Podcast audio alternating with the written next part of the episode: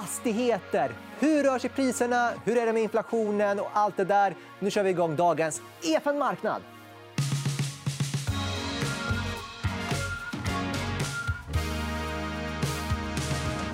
Och för att snacka om fastigheter har vi med oss Kristina Nyman. Varmt välkommen. Tack så mycket. Oj, oj, oj. Det, är... det känns som det här har varit en trygg hamn. Mm. Men nu börjar det hända grejer. Hur mår svenska fastighetsmarknaden? Men än så länge mår den eh, ganska bra, får man väl ändå säga. Men eh, man möter ändå en motvind nu, tydligt med stigande energipriser. Ingen av oss har missat det. Eh, och också stigande räntor framöver. Så att, ett litet nytt läge. Samtidigt så säger man att inflation kan man skydda med att äga fastigheter. Men samtidigt så leder inflation till högre räntor och det kan pressa ner priserna. Vad väger tyngst? Räntan eller inflationsskyddet? Men vad, gäller, vad gäller oss som privatpersoner så eh, äger vi väl mycket fastigheter så att vi bor där snarare än kanske att inflationsskydda våra tillgångar egentligen någonstans. Eh, och då är det ju så också att svenska hushåll är ganska högt belånade. Eh, generellt. Inte alla, såklart, men om man tittar på genomsnittet. Och det betyder att en ränteuppgång behöver inte bli så stor innan det börjar kännas ganska tydligt i plånboken. Eh, så att, eh, och du får, jag tror också att du kan inte riktigt räkna med att du får lön som stiger i förhållande till de här kostnaderna. Ja, och en sak man brukar säga i och med att vi har haft låg inflation Säg att man har en bolåneränta på 1 och så stiger inflationen och räntorna höjs och det blir 2% Då har man ju bara 1 procentenhet ökat sin räntekostnad men det är en dubbling i dina kronor och ören. Ja, och framförallt så kan man tänka sig att det är i och med att vi eh, är betydligt mer, har betydligt mer skulder i förhållande till våra inkomster än för tio år sedan. Till exempel, så betyder det att när räntan stiger med en procentenhet så blir det här en mycket större andel ökning i, i våra boendeutgifter. Det är faktiskt bara så att vi, vi lägger totalt sett i Sverige ungefär lite drygt 20% av våra utgifter totalt sett på boende. Och det är bara 15% av dem som går till räntor. Så det, och vi betalar 20% i amorteringar. Så att räntor just nu är en väldigt liten del av våra boendekostnader. Men med en hög skuld och du höjer räntorna då blir det ganska snabbt mycket mer. Men det här, visst, det här är fastigheter och, så, och mm. privatpersoner. Men det måste påverka hela ekonomin om vi måste lägga en ännu större del av vår disponibla inkomst på räntor ifall det skulle stiga.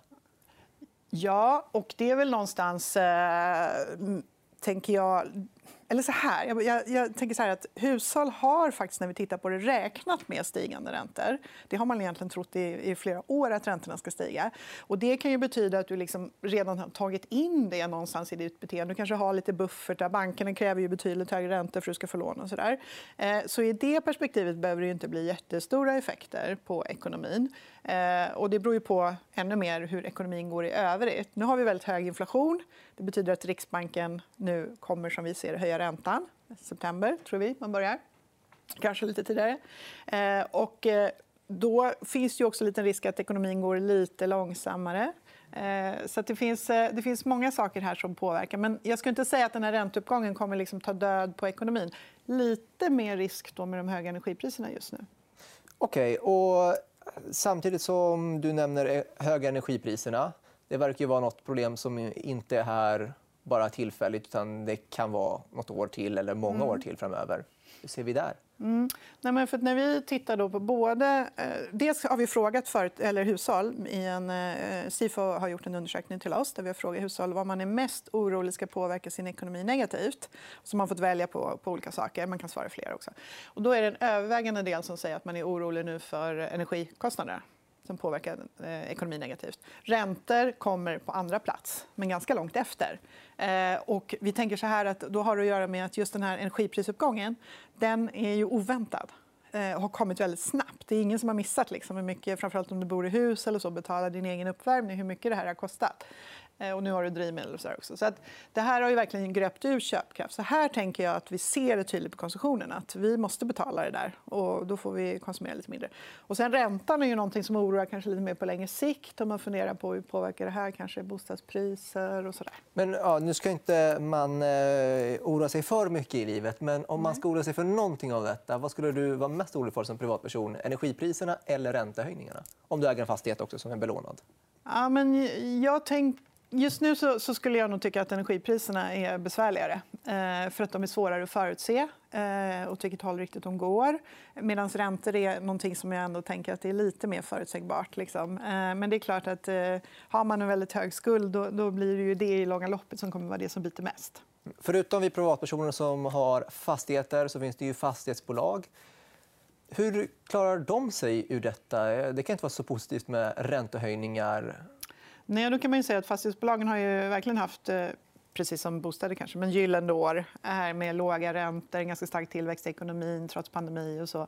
Eh, och man har haft liksom väldigt kraftigt stigande fastighetsvärden och fastighetsaktier. Och, eh, och nu bryts ju det här i någon mening av att finansieringskostnader som har trendat neråt under många år nu istället så småningom har börjat trenda uppåt. Och då, då blir det en motvind tror ju ändå att det blir lite mer sidledes utveckling nu för eh, de privata fastighetsbolagen. Liksom att fastighetsvärden kan ligga mer still och så. Att man ändå klarar av ökade eh, liksom finansieringskostnader. Eh, men det blir inte alls lika gynnsamt som det har varit. Och för att klara högre kostnader så måste man få högre inkomster. Är det då högre hyror? Och sånt? Ja, men det är, för inflationen kan man kompensera med högre, med högre hyror. Det är oftast indexerat på det viset. Det kan vara lite svårare om du är högt belånat fastighetsbolag för det är inte lika lätt att kompensera för högre, för högre finansieringskostnader.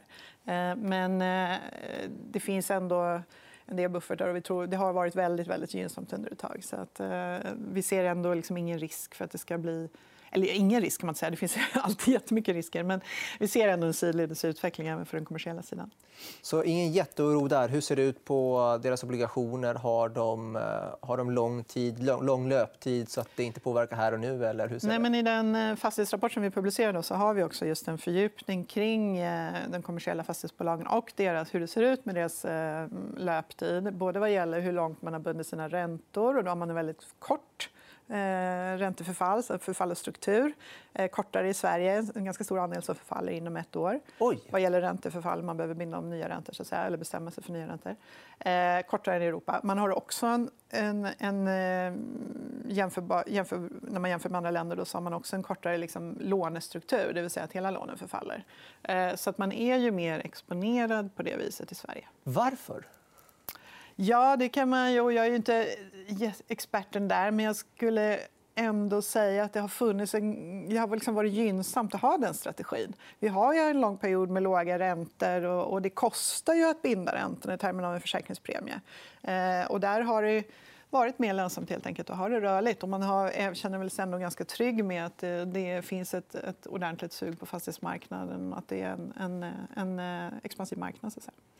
Okej, och avslutningsvis, om man kikar framöver under året hur, hur orolig ska man vara för räntehöjningar? Är det, är det så dramatiskt som man kan ibland höra från vissa säger mm. eller kommer vi få några få höjningar och that's it? om man tittar på marknadsräntor nu, eh, vilket vi inte gör som hushåll kanske, men på de finansiella marknaderna, där går räntorna rakt upp i skyn, ska jag inte säga, men i någon form av, det går upp väldigt snabbt.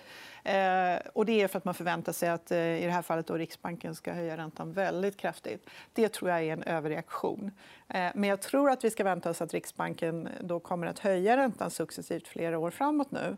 Vår prognos nu ligger styrräntan på noll. Den ligger till grunden för de rörliga boräntorna med en marginal där. Eh, I slutet på 2024 så tänker vi att den ligger uppe på 1,25. Det betyder att de rörliga ska ju upp någonting sånt också. Då. Så att, inte riktigt en fördubbling, men nästan ändå. Ja, men det låter ju eh, som... Ja, räntehöjningar kommer vi få, men man behöver inte vara alltför orolig. Det var allt från dagens EFN-marknad. Vi är tillbaka på fredag. Missa inte oss då. På återseende.